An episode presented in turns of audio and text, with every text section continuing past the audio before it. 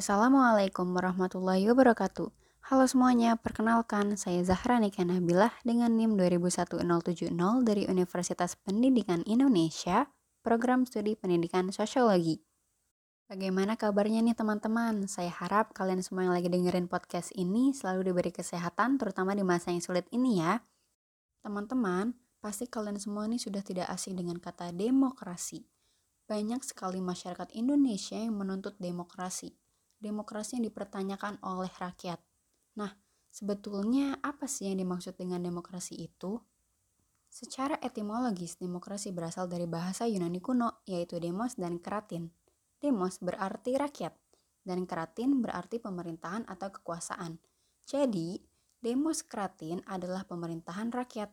Menurut Abraham Lincoln, seorang mantan presiden Amerika Serikat, mengatakan bahwa the government from the people, by the people, and for the people yang diartikan pemerintahan adalah dari rakyat, oleh rakyat, dan untuk rakyat.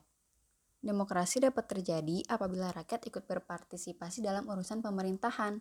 Negara demokrasi berarti negara yang mampu menjamin dan mendorong kemerdekaan hak-hak rakyat seperti hak berpendapat, berbicara, beragama, berserikat, dan lainnya.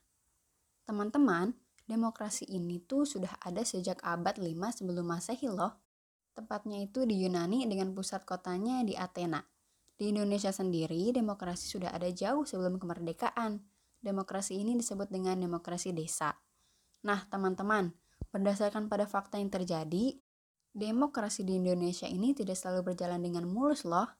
Terdapat tantangan dan dinamika dalam menjalankan praktik demokrasi di Indonesia. Indonesia sudah beberapa kali mengganti sistem demokrasi, seperti pada periode 1945 sampai 1949 yang dikenal dengan masa revolusi kemerdekaan, pada saat itu Indonesia menggunakan sistem demokrasi konstitusional. Pelaksanaan demokrasi baru terbatas pada berfungsinya pers yang mendukung revolusi kemerdekaan. Sedangkan elemen-elemen demokrasi yang lain belum sepenuhnya terwujud karena situasi dan kondisi yang tidak memungkinkan. Masa ini pemerintah harus memusatkan energi bersama rakyat, Adanya partai politik pun untuk menanamkan kesadaran anti penjajahan. Kemudian, pada tahun 1949 hingga 1959, atau dikenal dengan masa Republik Indonesia II, Indonesia menggunakan sistem demokrasi terpimpin, yang ditandai dengan sistem demokrasi berada di tangan pemimpin negara. Demokrasi ini dianggap gagal karena hanya berpusat pada kepemimpinannya saja. Demokrasi ini juga dinilai gagal karena adanya konsepsi presiden, lemahnya kondisi ekonomi, Dewan Konstituante mengalami jalan buntu untuk merumuskan ideologi nasional, dan dominasi politik aliran yang membawa konsekuensi konflik. Sehingga timbullah perubahan kembali, yaitu menjadi demokrasi Pancasila pada periode 1965 hingga 1998, atau dikenal dengan masa Orde Baru. Demokrasi ini didasarkan pada Pancasila dan Undang-Undang Dasar 1945 secara murni dan konsekuen dalam setiap aspek kehidupan masyarakat Indonesia. Tetapi, pada akhirnya juga mengalami kegagalan. Pada demokrasi Pancasila ini segala pusat pemerintahan berada di tangan presiden, tetapi tidak ada perubahan yang substantif dalam politik Indonesia. Rotasi kekuasaan eksekutif tidak pernah terjadi, ekonomi yang terpuruk, rekrutmen politik bersifat tertutup, terdapat banyak kecurangan pada pemilu, hingga terbatasnya kebebasan-kebebasan berpendapat. Sehingga diubahlah sistem demokrasi tersebut, tetapi dengan nama yang sama, yaitu tetap dengan demokrasi Pancasila.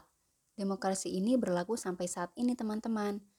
Walau dengan nama yang sama, yaitu demokrasi Pancasila, tetapi demokrasi ini memiliki karakteristik yang berbeda dari periode sebelumnya.